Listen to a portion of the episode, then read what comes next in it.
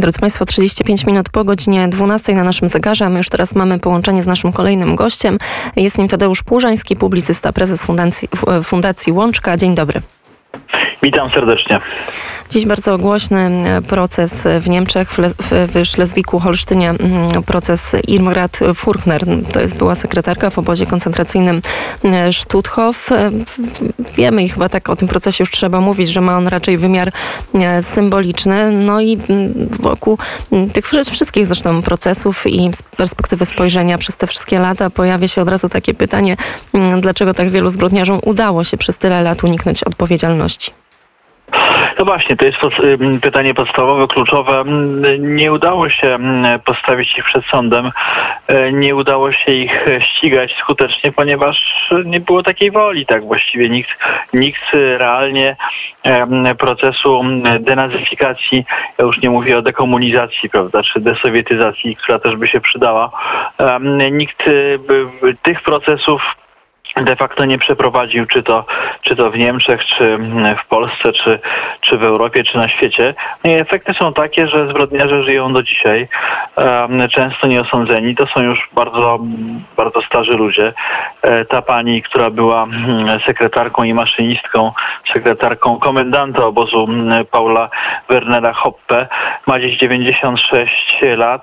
Tu kuriozum będzie sądzona jako, e, jako niepełnoletnia, bo w chwili popełnienia zbrodni współuczestnictwo zbrodni nie miała 21 lat, więc według prawa niemieckiego ma, ma stanąć przed sądem dla, dla nieletnich, ale rzeczywiście ma to wymiar symboliczny. Dobrze, że takie procesy się odbywają. Niewiele z nich wynika oprócz takiej elementarnej sprawiedliwości, bo w zasadzie Wyroki są, wyroki są niewielkie. E, te osoby ze względu na wiek nie trafiają potem do więzień. W Niemczech toczy się teraz kilka takich, czy kilkanaście takich spraw. Tutaj warto podkreślić, że mm, z jednej strony są to Niemcy, ale w mniejszym stopniu. E, w większości to są, to są osoby innych narodowości, które e, służyły w niemieckiej machinie terroru. To są Ukraińcy, to są Litwini, to są Łotysze, rzadziej Białorusini.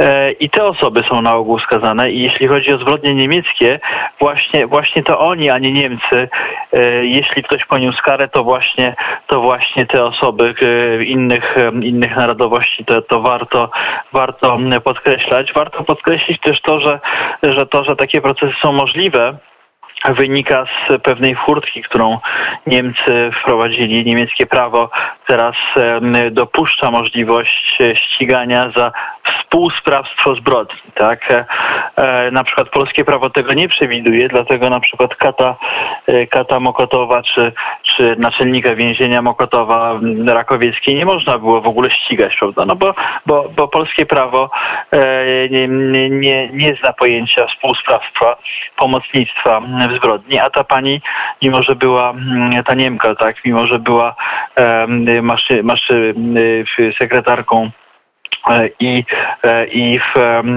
w, przepisywała rozkazy pana komendanta.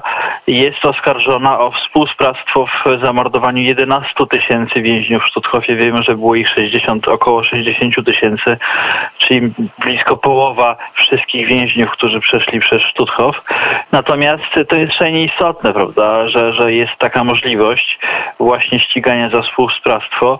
E, Niemcy wprowadzili to też bardzo późno, zdając sobie sprawę, że w większości te osoby, prawda, odpowiedzialne już żyją, no więc to jest taka sprawiedliwość, e, sprawiedliwość po latach, ale bardzo niepełna, prawda, bardzo, e, bardzo właściwie mm, taka, e, taka pokraczna.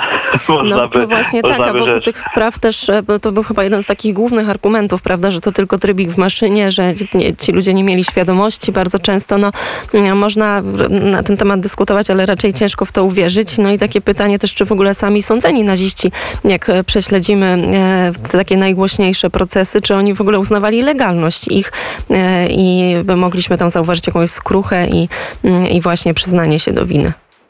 To właśnie, z jednej strony to, co pani redaktor mówi, oni uważali, że, że po prostu są funkcjonariuszami państwowymi, wręcz urzędnikami, prawda? Więc, więc jaka to zbrodnia, jeśli, jeśli, ktoś, jeśli ktoś jest urzędnikiem państwowym wykonującym swoje obowiązki. Oczywiście żadnej skruchy nigdy nie wyrażali. Um, tak Tak samo ta, ta 96-letnia teraz kobieta twierdzi, że ona nic nie wiedziała, nic nie widziała, prawda? No może ktoś tam kogoś zabił, no ale, ale to nie było nagminne, prawda? To się, to się zdarzało, ale nie wyciągajmy zbyt daleko idących wniosków. Obrona też, też właśnie tak E, taką e, kwalifikację przyjmuje. No więc to jest, to jest taka tragifarsa, prawda? Niestety winni nie ponieśli kary. Teraz te ostatnie osoby próbuje się ścigać, no ale właśnie to są, to są już pomocnicy rzeczywiście, prawda? Ci, e, ci którzy naprawdę decydowali, tak jak Paul Werner Hoppe, czyli właśnie komendant Stutthoffu, no on był, był skazany na kilka lat, prawda? Z tego odsiedział tam zdaje się trzy, z dziewięciu odsiedział trzy i wyszedł na wolność, prawda? A w większości, pani redaktor, zbrodniarze czy, czy niemiecko-nazistowscy, czy komunistyczni, tu znowu podkreślam, prawda? Nie ponieśli kary. Teraz mamy za chwilę rocznicę zamordowania 5 października 1939 roku 38 wziętych do niewoli obrońców Poczty Polskiej w Gdańsku. Um, oni zostali skazani przez sąd niemiecki w sposób całkowicie bezprawny. Im przypisano e, to, że byli partyzantami, prawda? Oczywiście żadnymi partyzantami nie byli.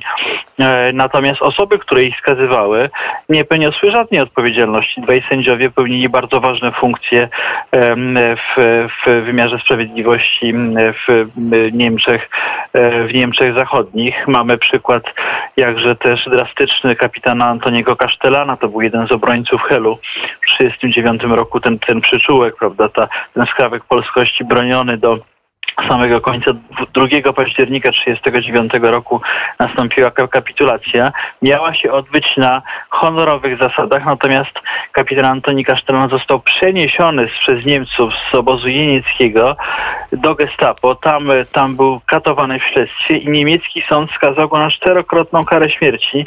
Ta historia dalej jeszcze była, była no, po prostu straszna, bo, bo tego człowieka mm, skazano na karę śmierci przez, e, przez ścięcie głowy. E, w Królewcu to się odbyło, a po, potem jego szczątki posłużyły jako preparaty, jako źródło preparatów, a czaszka miała trafić do Muzeum Historii Naturalnej w Wiedniu, prawda, gdzie przez lata była eksponowana jako, jako przykład e, czaszki pod człowieka, tak, razem z innymi polskimi podludźmi. Oczywiście winne tej śmierci, tej śmierci polskiego bohatera nie ponieśli żadnej kary. To były morderstwa sądowe, prawda, aparatu niemieckiego, niemieckiego państwa. E, mamy do czynienia z morderstwami sądowymi po stronie sowieckiej, komunistycznej, ale Niemcy robili dokładnie to samo.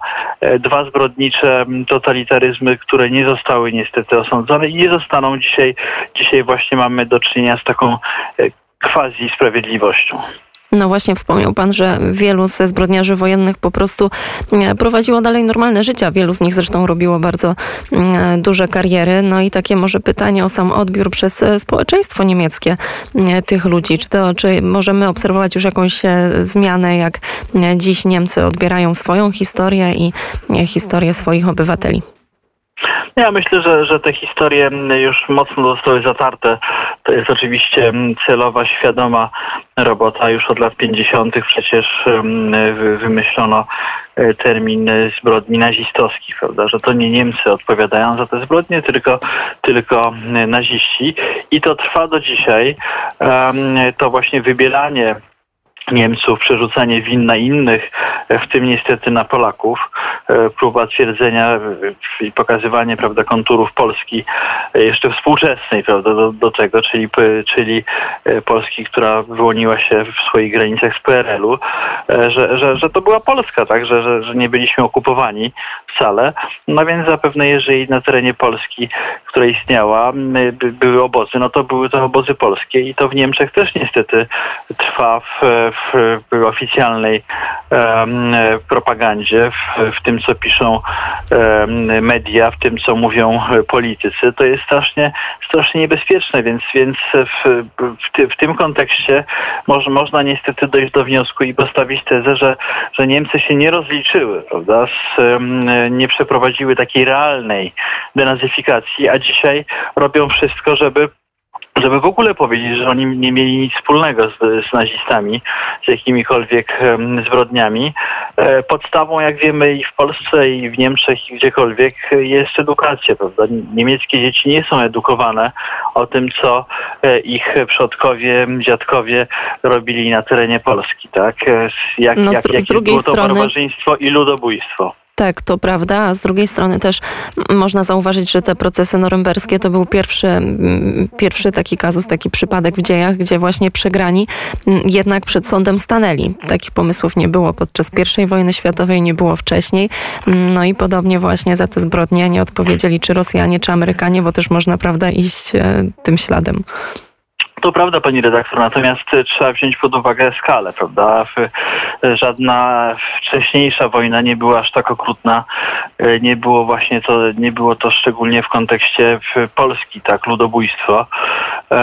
Stąd, stąd też no, trzeba było środki e, mocniejsze zastosować, tak? Uznać właśnie, że były to zbrodnie, zbrodnie wyjątkowe, stąd należało je przynajmniej częściowo e, ukarać, osądzić, ale na przykład jeżeli wracamy do Stutthofu, no to, e, to załoga liczyła około dwóch tysięcy, prawda, funkcjonariuszy. I, i, i promil naprawdę z, z tego został jakkolwiek postawiony p, p, p, przed sądem. Było, było szczególnie w tych latach po 1945 roku kilka procesów.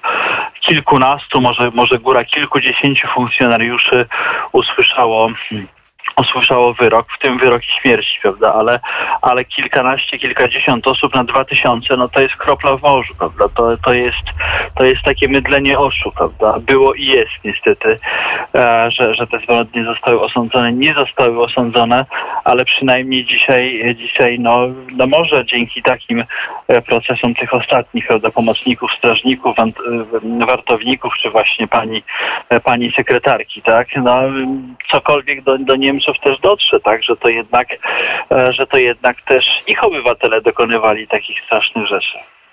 I może chociaż e, uda się oddać części tych ofiar ich rodzinom na miastkę tej sprawiedliwości. Gościem Radia Wnet był... Dokładnie tak. Bardzo dziękuję za rozmowę. Był Tadeusz Płużański, publicysta, prezes Fundacja Łączka. Dziękuję. Kłaniam się, dziękuję bardzo. Drodzy Państwo, 12.47 na naszym zegarze. No to teraz znowu pora na trochę muzyki, a my wracamy zaraz po piosence.